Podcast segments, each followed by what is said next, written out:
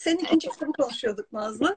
Evet. Ee, orada bir e, kadının öyküsü var ama o öyküyü anlatırken, o öykü akarken, o kadının bilinç akışında dokuz tane de masal var derlenmiş. Hı hı. Çok güzel bir e, böyle hani kurgu bence. Bir de ikinci kitapla birinci kitap arasında tarz olarak da bir farklılık var. Sanki sen böyle biraz öykücülüğe geçiyorsun orada. Farklı bir tarza geçiyorsun. Hı hı. Ee, o yüzden üçüncüyü de merak ediyorum. Üçüncüde nasıl bir bir adım daha atılacaksın? Evet. İstersen biraz ikiden bahsedelim. E, neyinden bahsedeyim? Ne anlatayım? Ee, kurgu kısmından, e, kadından, Hı o kadının bilinç akışından. Mesela onu yazarken ne hissettin? Yazdıktan sonra ne hissettin? Ee, çünkü orada hani böyle bir o kadının e, öz benliğini keşfetme hali var. Hı hı. Modern bir kadın, modern bir insanın diyeyim aslında. Hani Hı. o e, kendi benliğinden bir şeyleri kaybediyor aslında ve kaybettiği şeyi sonra fark ediyor. Evet, evet. Bu beni çok etkilemişti. Evet evet. Yani e, bu e, öykünün çıkış e, öyküsü e, aslında o benim için e, hani bu bu çerçeve öykünün bir çıkış öyküsü var. O benim için enteresan. Biliyorsun benim bir üstadım var. Böyle kendisine çok aşkla bağlandığım ve hani e, her zaman e, elini böyle sırtımda hissettiğim, e, beni çoğaltan, büyüten sözcükleriyle aslında bir an, manevi anne. Manevi annem. Manevi annelerim var çok. Ama bir tanesinin yeri çok bambaşka. Kitapta, her iki kitabımı da kendisine adadığım Metin Hocam. Ee, aslında ben bir gün böyle bir e, böyle çok sıkışmıştım ve ne yapacağımı bilemediğim yıllar öncesinden bahsediyorum. Yani üç sene önce falan. Bilemediğim bir zamanda işte görüşmek istemiştim kendisiyle. Ee, ve o görüşmede ben hiçbir şey sormadan o bana bir kitap uzatmıştı ve burada oradaki bir makaleyi oku demişti. Ve ben o makaleyi okumuştum. Sonra kapatmıştım. Tabii böyle bir manevi bir, bir, bir, bir hal yaşadım.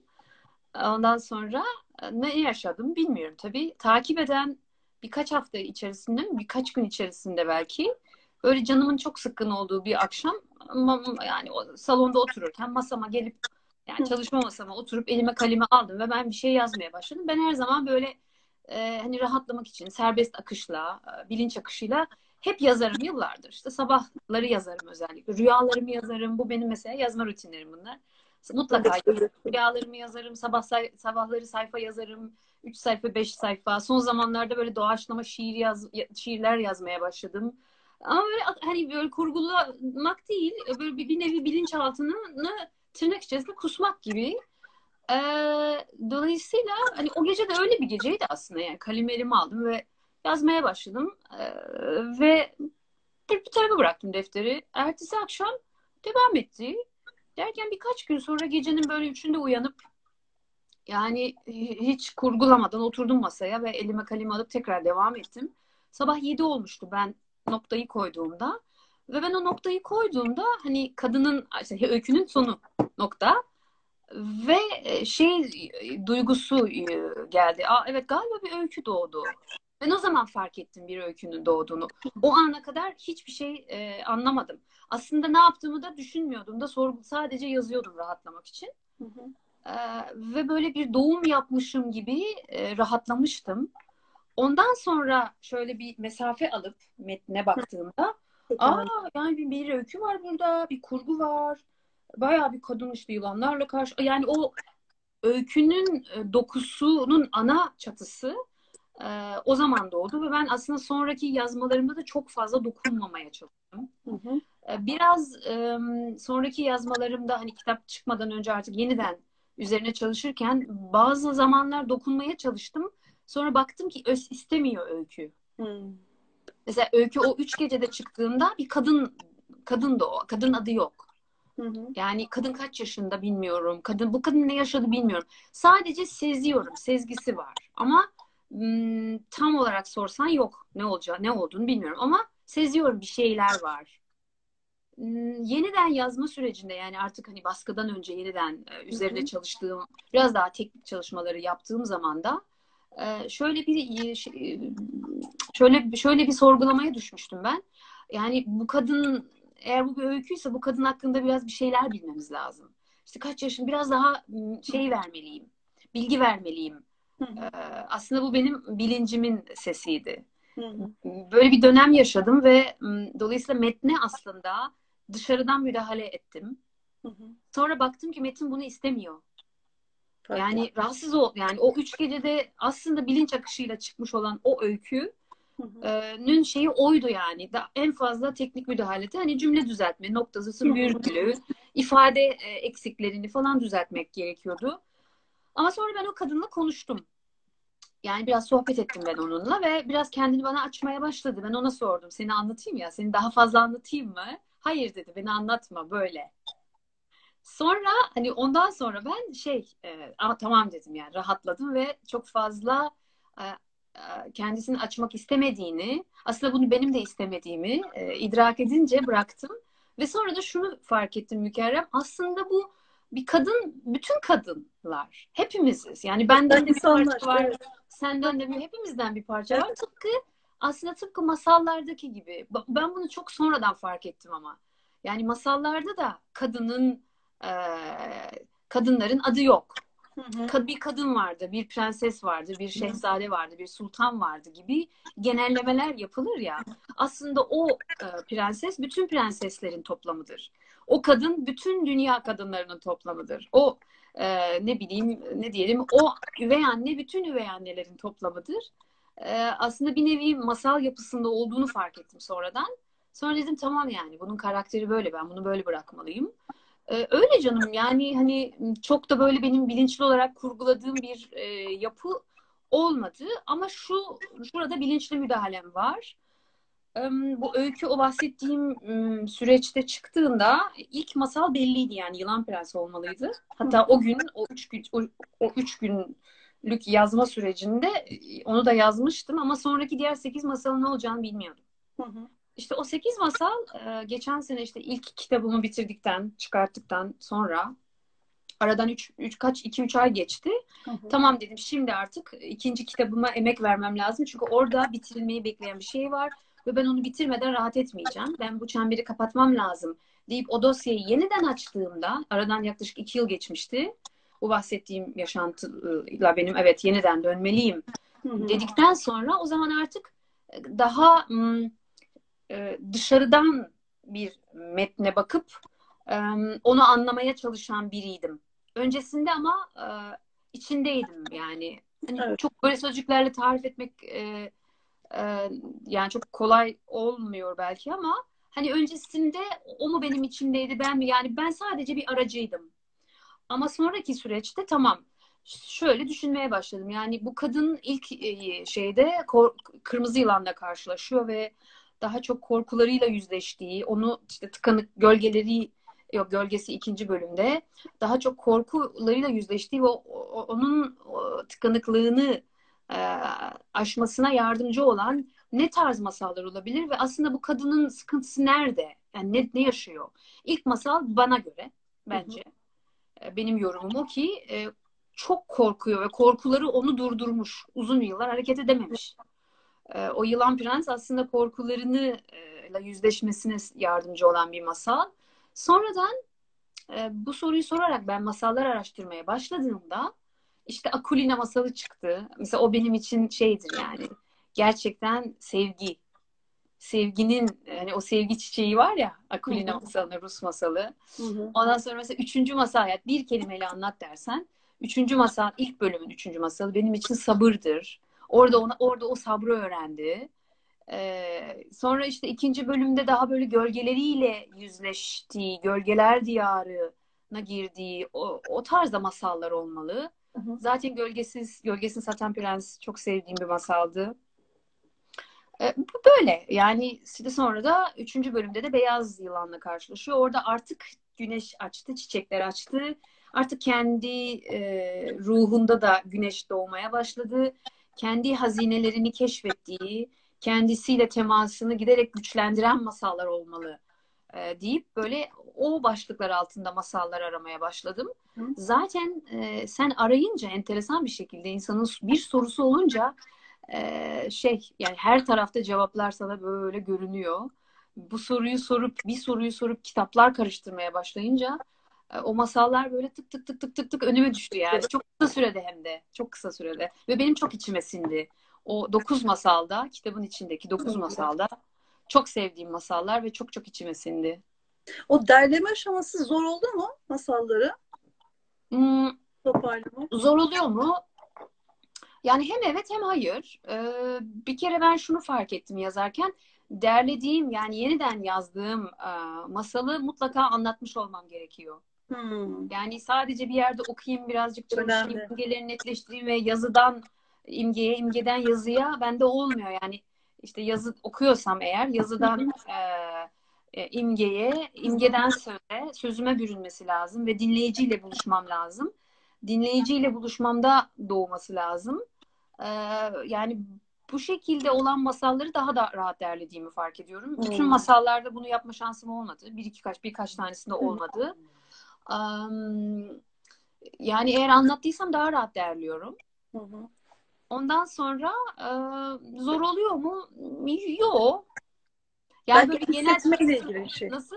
Belki o hissetmeyle ilgili. Hani anlatınca daha bir yakın oluyorsun belki metne, masala. Evet. Yani yazma ile anlatmanın çok farklı. Ya masalı derleme ile yazma ile anlatmanın çok farklı dinamikleri var.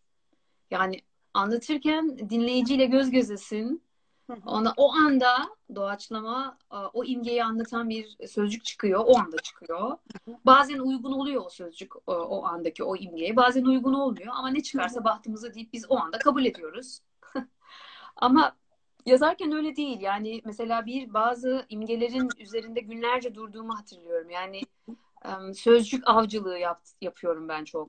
Mesela çok beğendiğim ifadeleri, sözcükleri tutuyorum ve sonra bakıyorum bu masalın neresine yakışır bu? Ondan sonra bir aşamada, en son sonlara doğru bir aşamada sevdiğim sözcükleri böyle serpiştiriyorum. Ee, yani böyle hmm, uzun uzun metnin üzerine e, düşünmek ve emek vermek için fırsat oluyor. Bu da yazının güzelliği. Ne güzel anlattın. Nazlı, peki masal ruhun aynasıdır diyorsun. Evet, diyorum. Ee, diyorsun. bir de bir röportajında mı dinledim, ben senden mi dinledim Seyba'da? İnsan hakikati çıplak olarak almak istemez demiştin sen. Hı hı. Bunu bir röportajda mı yoksa senden bizzat mı dinledim onu hatırlamıyorum açıkçası. Hı hı. Ee, peki hani insan yazarak, okuyarak ya da masalla hani bu hakikatle nasıl karşılaşır? Masal ruhun nasıl aynasıdır? Bundan Hı hı. biraz bahsedelim mi? Sonra Tabii. senin tekrar yazar, yazmayla ilgili rutinlere dönmek istiyorum. Tamam. Yani masal ruhun aynasıdır derken şunu kastediyorum. Ee, ruh ne demek? Ee, buna bakmak lazım. Tabii çok derin bir mevzu. Ee, Senin etimolojiyle ilgin var biliyorum. yani aslında ruh böyle nefes, raiha, koku değil mi? Ee, a- yani bizim aklımızın, o akli e, becerilerimizin ne diyelim e, ötesinde var olan tarafımızın da e, akli becerilerimizle bütünleştiği bir yapı. Aslında ruh bütünlüktür. Hı hı. Yani belki Jung'un tabiriyle benlik, Jung'un benlik dediği ve çember ile tarif ettiği, çember ile sembolize ettiği daha doğrusu şeydir aslında insanın ru- ruhu. Ve bu ruhun bir dili var ve ruhun dili kavramlar değil. Hı. Ee, aklın dili kavramlar. Evet, yani dolayısıyla akılla felsefe ve bilim yapıyoruz kavramlarla. Ama ruhun yani insanın bütünlüğünün hadi onun adına bilinç ve bilinç dışının toplamı diyelim artık nasıl ifade edeceksek ifade etmesi çok kolay değil ama bir çemberle en güzel sembolize ediliyor. İnsanın e, ruhunun dili imgeler. Hı hı. İnsan ruhu imgelerle konuşuyor. Ee, bunu da en güzel rüyalarda görüyoruz. Yani bizim ruhumuz, o iç benliğimiz, özümüz, e, içerideki derin benliğimiz e, bizimle rüyalarda konuşuyor. Sonra bizimle böyle e, şiirlerde konuşuyor, edebiyatta konuşuyor. En en çok da ama en iyi de şiirde ve masalda konuşuyor bana sorarsan. Çünkü şiir e, açık bir metne göre, düz yazıya göre çok daha örtük bir şey, değil mi? Örtük bir yapı, Hı. sembolik e, bir yapı. E, masal da öyle. Yani masal ruhun aynasıdır derken aslında öz itibariyle bundan bahsediyorum. Yani bizim ruhumuzun dili sembol dilidir. Hı hı. İmge dilidir yani imge, sembol. Dilidir. E, masalların dili de imge ve sembol dilidir. Yani masallar bir felsefe metni gibi kavramlarla konuşmuyor. Hmm. İmgelerle ve sembollerle konuşuyor. Aa, o yüzden aynı dili konuşuyorlar. Bunu demeye çalışıyorum. Hı. Hani şey var e, mesela bunun en güzel örneklerinden birisi e, işte kutsal metinlere baktığımızda orada da hep bize hikayeler anlatıyorlar. Hep imgeler var. İşte kuyu var, Süleyman'ın kuyu, ama Süleyman diyorum. Yusuf'un kuyusu var. Ondan sonra Yunus balinanın karnına giriyor. Ne bileyim e, işte Hazreti Süleyman'ın böyle bir tapınağı, tapınak yaptırıyor değil mi? İşte Süleyman mesela kuş dili Yunus diyor ya Hazreti Yunus. E, Süleyman kuş dili bilir dediler diye başlıyor hani. Mesela onu da tasavvuf ehli şöyle yorumsuyor. Hani kuş Süleyman'ın kuş dili bilmesi demek sembol dili bilmesi demek. Evet, evet. Süleyman'ın kuş dili sembol dili. Sembollerin dilini yani ruhun dilini biliyor. Bunu en güzel masallar biliyor zaten.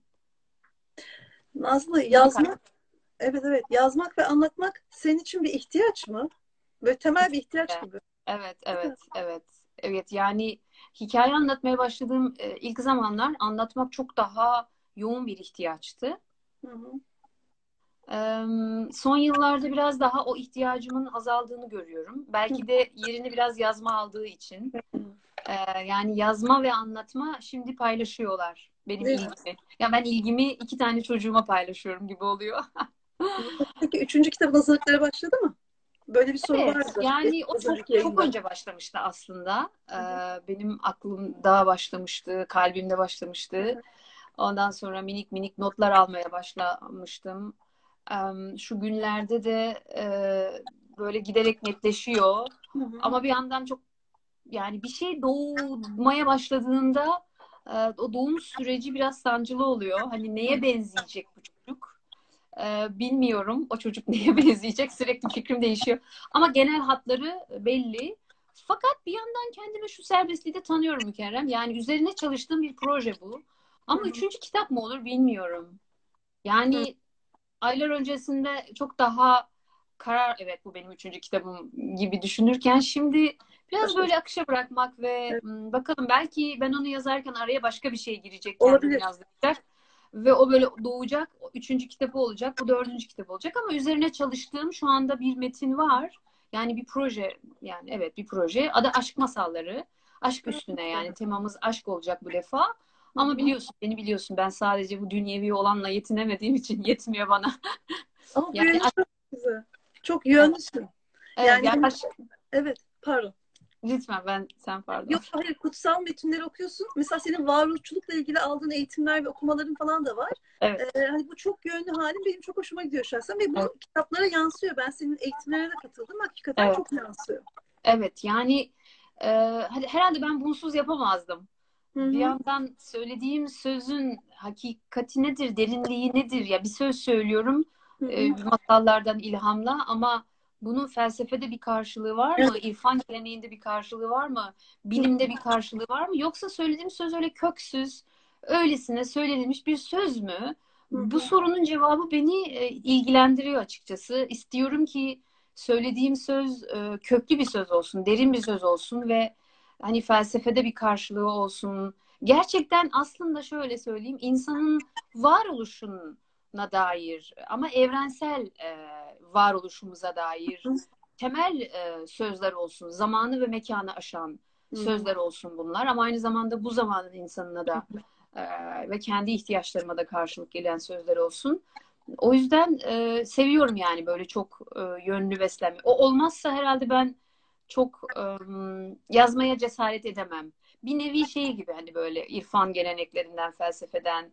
Aa, or, orada onlar böyle her biri birer böyle bir e, ata gibi, nine gibi. Hı. Orada da e, eğer şey kökünü bulursam e, sanki oradaki bir e, rehber bana diyor ki tamam Nazlıcığım doğru yoldasın.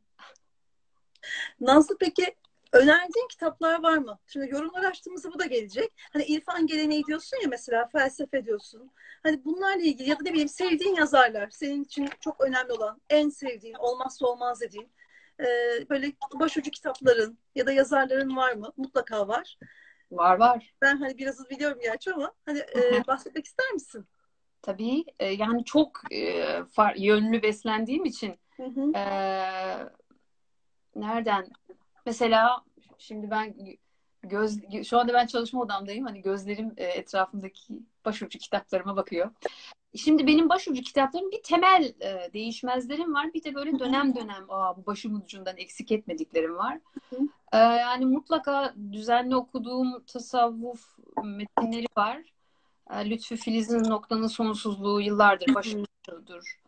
Ee, İsmail Emre'nin evet İsmail Emre'nin işte 1970'lerde vefat etmiş bir mutasavvuftur kendisi. Onun onun sohbetlerini öğrencileri kağıda dökmüş. O böyle kitap olarak satılmıyor bir yerde ama internette bulunabilir. Ben de böyle kitaplaştırılmış bir kırtasiyenin kitaplaştırdığı. Onun sözleri eksik olmaz başımın ucundan. Mutlaka dönüp dönüp bakarım. Kutsal metinler, e, İbni Arabi'nin metinleri mesela eksik olmaz başımın ucundan. İşte psikolojide mutlaka Jung, e, işte Joseph Campbell beslendiğim damarlar. Ee, bunlar böyle klasik klasikler yani. Böyle sorunca da aklıma gelmiyor. Bir, değil mi? Bir an öyle oluyor evet. Evet şu günlerde mesela işte Yunus'tu, Niyazi Mısri'ydi oralara daldım biraz. Ee, şey okuyorum e, çokça böyle felsefe metinleri okuyorum yine şu günlerde. Hı hı. Ee, bilim bilim metinleri okuyorum. Mesela şu benim hocamın tavsiyesiyle Fridtjof Capra şu günlerde beni en çok heyecanlandıran bir fizikçi kendisi. Ama e, yani işte manevi geleneklerle ne diyelim bilimsel düşünüşü çok böyle birbiriyle birleştirmiş bir insan. Bilimdeki düşünüş yeni düşünüş paradigmaları üzerine yazıyor. Evet. Mesela işte Fransız bir filozof şu günlerde okuduğum Edgar Morin'in Yitik Paradigma, insanın doğası üzerine bir kitap. Ee, Öyle. Yani biraz dağınık bir cevap oldu ama. Hayır hayır gayet güzel. Öyle mi? Ee, günümüz yazarlarından yani en azından e, Türk edebiyatında evet. sevdiğin kimler var ya da okuduğun ya da önerdiğin? Ya, evet. Günümüz yazarlarından benim son zamanlarda böyle okuyup aşık olduğum e, ben şimdi isim aklımda çok şey tutamıyorum. Neydi paylaşmıştım da Deniz e, neydi? Hmm. Gelecek aklıma birazdan. Neyse tamam. Deniz Gezgin. Deniz Gezgin. Ha, tamam. Aa, ya Deniz Gezgin'in metinlerine aşık oldum. Benim başucu kitabım. Dönüp dönüp kitaplarım. Dönüp dönüp tekrar nasıl bir dünya kurmuştu, nasıl bir şeyin içine çekmişti beni diye böyle dönüp dönüp bakmak e, baktığım metinler oldu. E, günümüz yazarlarından işte hocam biliyorsun benim Defne. Defne'nin metinlerini çok severim. Ben de okumalarına evet. katılıyorum. Pazartesi günü ben de okumalarına evet. katılıyorum hafta sonları. Evet. Pazartesi günü de o konuğumuz olacak. Evet evet evet. Def, Defne'nin Defne'nin metinlerini, e, edebi metinlerini Defne Suman çok seviyorum. Irmak'la röport e, Irmak'la da şey yaptınız. Irmak Zileli onun e, son kitabını okudum. O çok güzel. Hmm. Çok farklı metinler, çok farklı karakterleri var bu metinlerin. Öykücülerden Melisa Kesmez'i seviyorum. Ben de çok seviyorum Melisa Kesmez'i. E, evet, evet, evet. E, yani çok var ama ben böyle isim konusunda çok tamam. iyi değilim. Hı-hı. Aklıma ilk gelenler bunlar. Aslında şey, hani böyle birazcık sakince düşünsem çok gelir ama ilk ilk gelenler bunlar. Nazlı benim var ya böyle önümde notlar var. Bir sürü sorun var ama şimdi ben bu sorulara girersem az bir zamanımız kaldı. 20 dakika kaldı bitmeyecek ve yorumları açsam birazcık oradan da soru alsak diyorum. Zaten Olur. mesela bir soru gelmiş. Ee, hemen ben şu yorumları bir açayım. Eminim soruları vardır. Ben aslında senin böyle biraz Hindistan seyahatinden e, bir şeyler böyle kırpmak, öğrenmek istiyorum ama arkadaşlar sorularınız varsa sorun. Ne anlatayım Hindistan'da? Valla her şeyi anlat. Yunus Emre'ye de gitmişti galiba Hindistan'a. Yunus Emre Enstitüsü'yle ben onu biliyorum. Onun dışında evet. bir de galiba hani sizin ekstra öğrencilerle gittiğiniz Evet. Şimdi o başka bu o başka. Evet, yani, evet farklı. E, ne zaman gittik? İki sene önce mi? Üç sene önce miydi? Hı-hı. Ben de şey gibiyim babaanne gibi. Unutuyorum yani. Ee, Yunus Emre Kültür e, Enstitüsü'nün davetiyle e, Yeni Delhi'ye gitmiştik. Orada bir üniversitede e, Türkoloji bölümü var. E, oradaki öğrencilere masal anlatmak için. Hı hı. Bizim e, ben çok uzun zamandır bilingual iki dilli anlatı üzerine çalışıyorum. Eskiden daha yoğun çalışıyordum. Son yıllarda biraz ara verdim gibi oldu. Ben de eskiden o konularda çalışıyordum. Evet. Son yıllarda çalışamıyorum. evet yani bir, bir masalı e, iki anlatıcı Almanca, Türkçe, İngilizce, Türkçe nasıl anlatır? Biz Jessica, Jessica Wilson Wales'ten hem bizim Seyban hocalarındandır hem arkadaşım. Onunla Ankara'da Herkes için Masallar diye bir festival yapmıştı Yunus Emre Enstitüsü. E, ben de onun hazırlık süreçlerinde bulunma şansına erişmiştim. Ve biz Jessica ile orada Ankara'da anlatmıştık ilk Aha. olarak. Daha sonra işte Jessica ile beraber ve Faysal, ben Jessica gidip orada masalları iki farklı gösteri yaptık. Hı. Bir e, üniversitede yaptık, bir de konsoloslukta yaptık. Türk çok güzel. konsolosluğunda. E, Türkçe ve İngilizce e, masal anlattık. Böyle dört günlüktü galiba yani Hindistan'a dört günlük gelmek de enteresan. Aynı masalı mı anlattınız? Nasıl? Aynı masalı mı anlattınız? Aynı masalı Tabii. hem İngilizce hem Türkçe anlattınız değil mi? Tabii yani tandem anlatı denen bir anlatı Hı hı. geleneği var ve aslında biz biraz kendi benim Türkiye'ye ilk döndüğümde Şirince Masal. Festivali, Uluslararası Masal Festivali yapmıştık 2013'te. Orada yedi masalcı, e, hikaye anlatıcısı, işte. Yunan, İtalyan, Azeri, İranlı, ondan sonra başka kim vardı? Alman e, ve iki Türkiye'li anlatıcı. Bizler işte yedi kişi ve bir müzisyen arkadaşımız vardı Frank. Bizler orada çift dilli masallar anlattık. Benim öğrencilerimin bazıları mesela ta o zamandan e, tanışırız biz bazı öğrencilerle. E, işte bir masalı aynı metni Almanca ve Türkçe. Ama Hı. burada met, diller birbirinin çevirisi olmuyor. Hı hı. Yani ben mesela anlatmaya başlıyorum. Benim bıraktığım yerden arkadaşım Almanca devam ediyor. Çok Yani güzel. dinleyici metnin bir kısmını sözel düzeyde Hı hı. aslında bilmiyor. Yani Almanca bilmiyorsa dinleyici o Almanca kısımları sözel düzeyde anlamasa bile aslında anlıyor. Evet, evet. Ve e, anladığı dilde nerede bıraktıysa anlatıcı oradan zihninde tamamlıyor. Bir de tabii bir takım teknikler kullanarak Tabii. bazen diyalog yapıyoruz mesela. Ben Türkçe soruyorum, sen Almanca cevap verdiğinde dinleyici o cevaptan soruyu çıkartıyor gibi. Tabii. Böyle bir takım tekniklerle e, bir takım teknikler geliştirdik aslında biz Almanya'da Evet. o süreçlerde. E, o teknikleri kullanarak e, bir bir yani çeviri değil bu. Anladım. Gerçekten puzzle'ın parçaları gibi Tabii. birbirini tamamlayarak bir masal anlatıyoruz evet birlikte. E, Orada zaten bir hissetme söz konusu oluyor yani. Tabii. Benim bir arkadaşım mesela Amerikalılara Türkçe olarak tiyatro yapmıştı. Sadece ve Amerikalılar bir onu çılgınlıklar gibi alkışlamışlardı. Evet, evet. E, çünkü yani dili bilmemelerine rağmen aslında anladılar. Tabii. O başka bir şey gerçekten. Orada onu hissettirmek, onun tekniği, o sahne performansı çok başka bir şey. Sizinki de öyle bir şey aslında. Sahne performansı. Evet. biraz. Evet. Şimdi Nazlı'cığım sorular var. Ee, hemen şöyle bakayım. Diyor ki sizi ilk kez Almanca masal anlatırken tanıdım. Gözüm kalbim ağladı. Almanca ana dilim olmadığı halde anlattığınız her şeyi anlamıştım. Almanca anlatıma ve yazıya devam edeceksiniz değil mi diyor. Yani Almanya ile projelerimiz çoktu. Mesela Eylül ayında gelecektim. Sanırım yazan kim? E, Stuttgart'taki arkadaşım değil mi? E, Haymatologi değil mi Haymatoloji? Evet. Evet. Şey, şey, çok özür dilerim. İsim aklımda kalmadı ama biliyorum biz e, Stuttgart'a gitmiştim ben. Müzede anlatmıştım. E, Stuttgart'ta yakın bir yerde Eylül ayında bir sempozyum var. Göç ve Masal diye. Hı hı. Ben de davetliyim oraya, oraya masal anlatıcısı olarak. Hani böyle masal anlatayım diye. Ama e, arkadaşlar da bu arada iptal etmediler. Yapmaya karar verdiler. E, bakalım eğer yollar falan açılırsa ben geliyorum yakınlarına. Eylül'de Evet. masal anlatmaya Almanca. Var bir takım projeler Almanya'yla, davetler var ama bu koronadan dolayı böyle bir askıya aldık. Devam ediyorum yani. Kısaca cevap devam ediyorum. Edeceğim mutlaka. Almanya'ya geleceğim sık sık ama bakalım bu korona ne zaman e, şey olacak, bize izin verecek. Evet, umarım tez vakitte. Bir de Ee, kitapları Almanca'ya çevirtmek gibi e, projelerim var. Ben de aslında her iki kitapta da şu an e, anlaştığınız ne bileyim çalıştığım bir ajans vardır muhtemelen ama e, hani dile yeni bir dile çevrildi mi ya da özellikle Almanca'ya çevrilme ihtimali nedir? E, bir- Çevrilmedi henüz. Ben e, acele etmiyorum. Niyetimi koydum ortaya. Bir takım görüşmelerim var. Hı hı. İşte Almanya'da. Bir ajansla değil de direkt yayın evleriyle. Aa, çok güzel.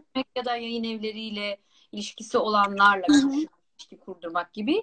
Böyle bir takım ilişkiler var, bir takım deneme girişimler var ama bir yandan da böyle çok ağır hareket ediyorum. Böyle hani evet bugün bu, bunu şey yaptım, bu sonuna erdirmeliyim bir, bir halde değilim. Ee, En güzeli. yani evrene attım diyeyim. o kendi zamanda olacak. Ne zaman olacak? Bence de. Yeter ki niyetinde olsun. Evet. Ee, mevzu masal diyor ki hocam ikinci kitabınızdaki dokuz masal olması doğal bir gelişme miydi yoksa dokuz rakamına bir içsel anlam yüklemiş miydiniz diyor. Hiç bunları bilinçli tasarlamadım. Bu bahsettiğim o üç günlük adına ne diyelim? Yani hani hakikaten o bilinç akışıyla ve o trans haliyle yazdığım dönemde çıktı o o, hani bahset anlatım ya hikayesini. Yani Hı hı. şöyle düşün dokuz tane masal olmalı burada. Hı hı. Dokuzun anlamı şudur. Hiç yani onları onu ben yapmadım. Bu şöyle bir şey yani hakikaten böyle bir şey doğmak istiyorsa eğer Sen de o ona hazırsan seninle buluşuyor. Senin ne diyorum içeriden seni öpüyor yani içeriden bir şey seni öpüyor ama senin de o doğuma hazır olman lazım, hazırlanman lazım. Herhalde bizim yaptığımız yegane şey aslında e, hazırlanmak sadece. Öyle bir yaşantıda e, o şey doğduğu zaman seni sadece kullanıyor bence. Ya sen sadece orada araçsın, aracısın. Sen orada işin aklı değilsin. Daha sonraki teknik kısımlarda, teknik düzeltmelerde ya da ifadelerde ya bu tamam hani bu imge bu ama bu ifade güzel olmadı. Şöyle ifade daha iyi olur gibi sonradan tıraşlıyorsun, ince çalışma yapıyorsun. Ama o ana doğum e, çok senin müdahil olduğun bir şey değil. En azından benim deneyimimde ikinci kitapta ama özellikle. E, öyle bir deneyim. Dolayısıyla e, bilmiyorum yani. Sonradan ben de tabii ki sizler gibi alıp kitabı aa 9, 9'un anlamı ne, sembolik anlamı diye ben de sonradan düşünebiliyorum üstüne. Ama yazarken bunu bilerek tasarlamadım.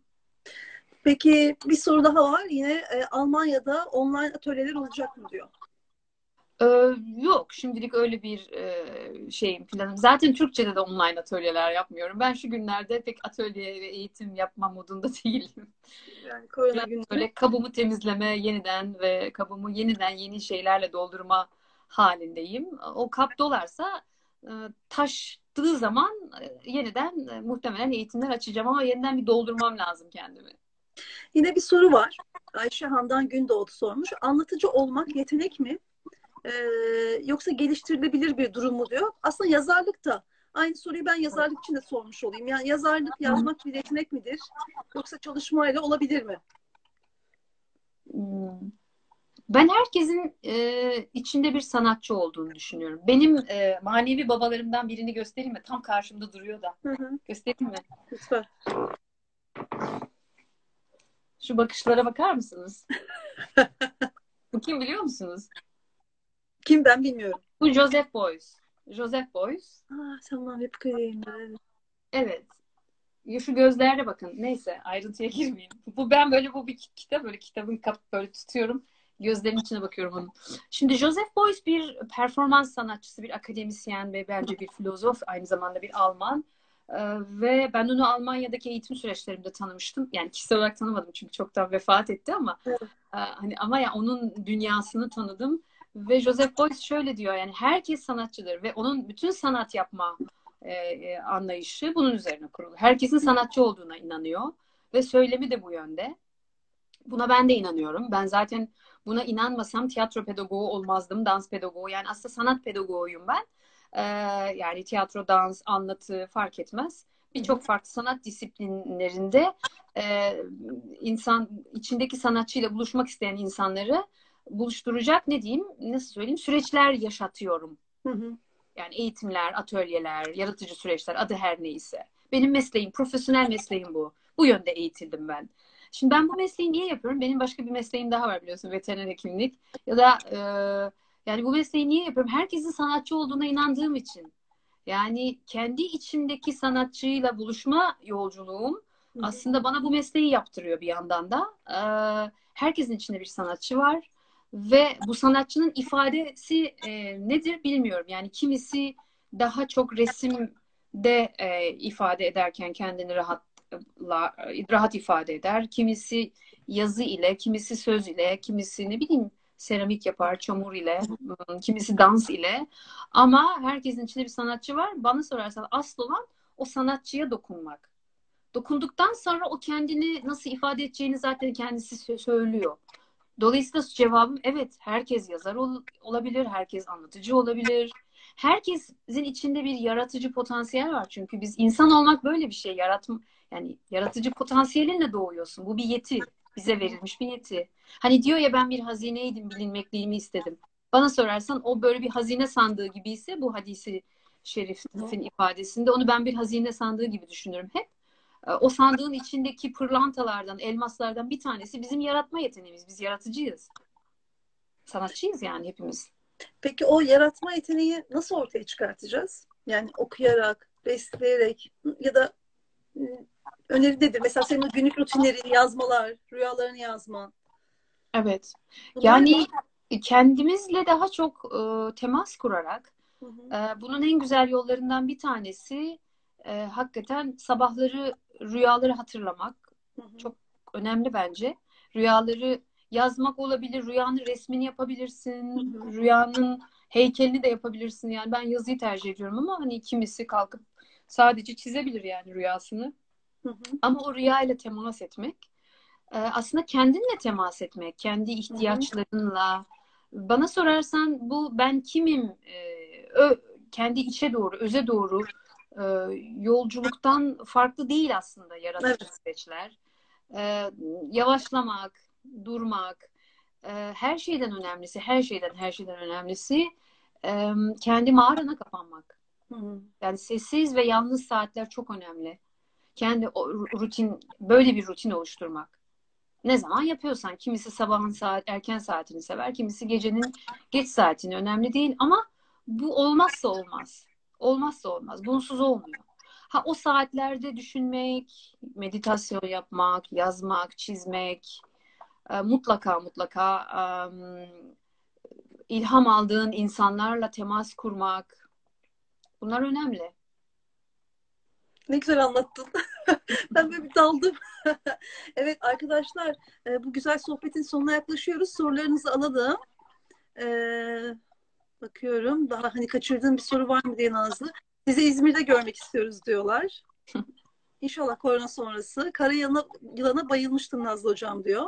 Ben de çok sevdim. Of. Evet. İyi, Ha, hamile ve doğum imgelerini çok kullanıyorsunuz. Bu süreçte sağlıklı beslenme önemli mi? Nereden?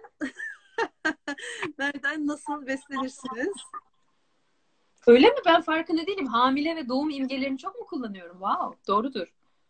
Evet ben de hamileye dikkat etmemiştim doğrusu. Evet. Yani yaratmak biraz e, doğum yapmak gibi ya. Evet doğru. Evet. Bilmem mi? Doğrudur. Kullanıyorum. Hiç farkında değilim. Ne, neydi soru? Sağlıklı beslenmek her zaman çok önemlidir. Evet, Sağlıklı, nereden nasıl beslenirsiniz diyor. Sağlıklı Ruhsal beslenmek anlamda. derken e, Ruhsal ruhsal olarak herhalde. bedensel olur. Yiyecek içecek anlamında. Bence herhalde ruhsaldır diye düşünüyorum. Herhalde. Zaten onları anlattın. Ee, Evet. Bu arada kayıt edilecek mi diye soruyorsunuz arkadaşlar. Kayıtlı olacak profilinde. Artık Instagram öyle bir iyilik yapıyor. 24 saat değil yani sürekli kalıyor. Ee, içimizdeki sanatçıyı nasıl çıkarız? Ne gibi pratikler yapmalıyız diye sormuşlar ama az önce ben de e, bunu sordum sana. Hani o içimizdeki yaratıcıyı, sanatçıyı nasıl çıkartırız dedim. Ve sen aslında bahsettin. Evet yani bir de belki şunu eklemek lazım Mükerrem. Ee, ya onu çıkartma çabası zaten sorunun kendisi bana sorarsan biraz e, Sıkıntılı mı? böyle sıkıntılı değil ama e, tatlı bir şiddet içeriyor gibi geliyor. Şu anda Bence biraz mübalağa yapıyorum. Yo yo doğru söylüyorsun. Ben de şey, Yani zorluyor çünkü. çıkartmak, çıkartmak, bir yerden bir şeyi çıkartmak. Ee, sanki bu kelimeyi biraz değiştirmek lazım. Evet, yani evet. Ben onunla nasıl ben olsam şöyle sorardım ya. içimdeki sanatçıyla nasıl temas kurarım? Hmm, çok güzel. Ya ben onunla temas kurduğumda Hı hı. e, o da benim zaten yani. Ben o, o, o ben ben oyum. Ben Hı hı. o yönümle temas kurduğumda ve e, o temasımı arttırdıkça hı hı. arttırdıkça ve tıpkı benim kıblem o oldukça hani kıble yön demek Arapçada biliyorsun yüzünü döndüğün yön yani kıblem benim içimdeki sanatçı olduğu zaman e, ve bir aşkla bağlanıyorsam o yönüme gece gündüz sürekli onunla beraberim ya ben hani yemek yerken de onunla beraberim e, yolda yürürken de onunla beraberim yani benim yürüyüşüm bile beni besliyor yani anlatabiliyor muyum pencere Evet, sabah penceremi açıp dışarıya baktığımda da onunla beraber yani onun gözlerinden bakıyorum. O bakıyor aslında. Ben bakmıyorum. Ben kimim? O kim? Tabii bu bir vaktimiz yok. Çok girmeyelim oralara. Benden kastım benim sınırlı e, zihnim. Egom yani. Egosal tarafım. Oysa ki o sanatçı dediğim e, taraf daha benim ruhsal bütünlüğüm. Daha derin, daha bütünlüklü bir bakış o. Tıpkı bir çocuğun bakışı gibi. Ee, dolayısıyla aslında onunla temas kurmak bence mevzu. Onu dışarıya çıkartmaya çalışmak evet tatlı bir şiddet içeriyor. Ee, çıkartmayalım. Temas kurdukça, temasımız arttıkça Hı hı. o zaten şey gibi pıt pıt pıt pıt pıt sana içeriden bildiriyor. Sana bildiriyor ve sen yazmak zorundasın. Yazmak zorundasın. Yani yazmasan öldürürsün. Yazmasan çıldırırsın. Anlatmasan çıldırırsın. Eğer o aşamaya gelmişsen ama. Evet. Onun için teması arttırmak lazım. Ben bir kitap önereyim. Bu arada sen istersen soruları oku ben bakayım burada şey var. E, bazen böyle bir tıkanıklık hali hissederiz ya. Belki de o temasın eksikliğinden diye düşündüm şu an. Evet, ee, yok götürmüşüm. Yok içeriye Peki hocam, yazarken ya da anlatırken arketiplerinizle karşılaştığınızda korku korku korkuyor musunuz yani? Korku diyor musunuz? Korkuyor musunuz demek istemiş herhalde. Hmm. Korkuyor muyum arketiplerimle? Evet. Korkuyorum. Bazen. Korkuyorum ama enteresan da bir güven var. Muhteşem, derin bir yani ne kadar korkarsam korkayım emin ellerde olduğuma çok inanıyorum herhalde. Bir, bir teslimiyet e, hali ne bileyim çoğu zaman var bazen yok ama o teslimiyet ve güven de şundan kaynaklı. Tek başıma değilim. Bu aynı zamanda bir manevi yolculuk. Yani ben tek başıma değilim. Benim rehberlerim var. O yüzden bu teslimiyetten kastım aslında biraz belki o, bir, bir yanıyla aslında Güven. bu yola teslimiyet. Evet yalnız değilim. Ben bir şey yaşadığımda kapısını çalacağım biri var. Birileri var. Bu önemli. O yüzden evet. Korkuyorum ama korkmuyorum. Anladım. E, herkes anlatıcı olamaz fikrindeyim. Elbette öğrenilebilir ama yeteneği olan bir anlatıcının farkı her zaman fark edilir demiş masalcı Bilge. E, Gülis Kendirce, sevgili Gülis selamlar. Sana e, sanat pedagojisi alanı nasıl bir eğitim içeriğinden oluşuyor diyor. Tabii Türkiye'de bu aslında pedagoji ifadesi bizim için çok yabancı. Hani bir sürü şey için kullanıyoruz ama aslında böyle bir hani eğitim tam olarak var mı onu da ben de bilmiyorum. Yok bildiğim kadarıyla bize tam karşılığı. O yüzden bize yabancı bir şey aslında. Hani sanat pedagogu demek, dans pedagogu demek vesaire. Evet yani ben tiyatro pedagojisi belki o soruya cevap verebilirim. Ben Berlin'de tiyatro pedagojisi master yaptım ve e, paralelinde de dans pedagojisi eğitimi eğitimleri aldım. Birçok farklı okuldan en sonunda böyle bir yıllık uzun bir programa katılmıştım. Ee, sonra da işte anlatı pedagojisi üzerinde çalıştım. Hikaye anlatıcılığı eğitimimle beraber Berlin'de Berlin Sanat Üniversitesi'nde.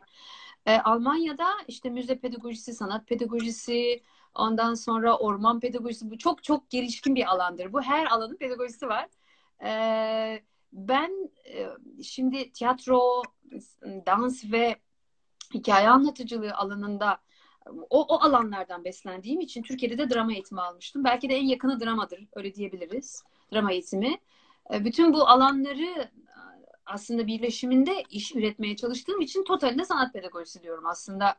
Böyle bir alanda var bu arada Almanya'da sanat pedagojisi diye. O çok daha kapsamlı. Görsel sanatlara da giriyor, işitsel sanatlara da giriyor. Ben öyle bir eğitim almadım. Ben tiyatro pedagojisi eğitimi aldım. Ve dans pedagojisi ve anlatı pedagojisi. Aslında son e, iki dakikanın içerisindeyiz. Bir soru daha var. Toplumsal hafızanın bir ürünü olan ve sürekli bir gelişme değişme halinde olan masalın yazılması, onun gelişiminin durması bir anlamda öldürülmesi, dondurulması mıdır diyor. Caner Bey. Hmm, yok ben öyle düşünmüyorum. Ee, yani ölmüyor ama bir nevi e, yazıya hapsoluyor. Evet katılıyorum bir yanıyla ama ölmüyor. Yazıya hapsoluyor. Yani yazıdaki masal ile anlatıcının sözündeki o anda dinleyiciyle buluştuğu an, göz teması ve o anın yaratımındaki yani yazı ile söz arasında çok farklı bir e, yapı var. Dinamikleri çok farklı yazı ile sözün. Gerçek masalın, ben e, hakiki masalın sözde olduğuna inanıyorum. Yazıda olan e, bir nevi donuyor. E, ama onun da başka bir güzelliği var. Başka bir... Aktarılıyor. Evet, başka bir aktarım gücü var. Evet. Dolayısıyla her ikisini de kullanıyoruz yani günümüzde. Evet. Yani keşke hep sözlü dinleyebildik ama aktarım açısından da çok kıymetli. Nazlı çok teşekkür ediyorum. Ee, son bir dakikanın içindeyiz. Çat diye kapanabilir. Evet. Başka sorular var ama onlara Başka herhalde soru e, yok. Var mı? Karayılan masalında vurucu bir şekilde anlatmıştınız diyor. Aa, evet. Masal anlatıcılığı modern meddahlıktır diyebilir miyiz? Onu ben görmemişim. Pardon. Hmm.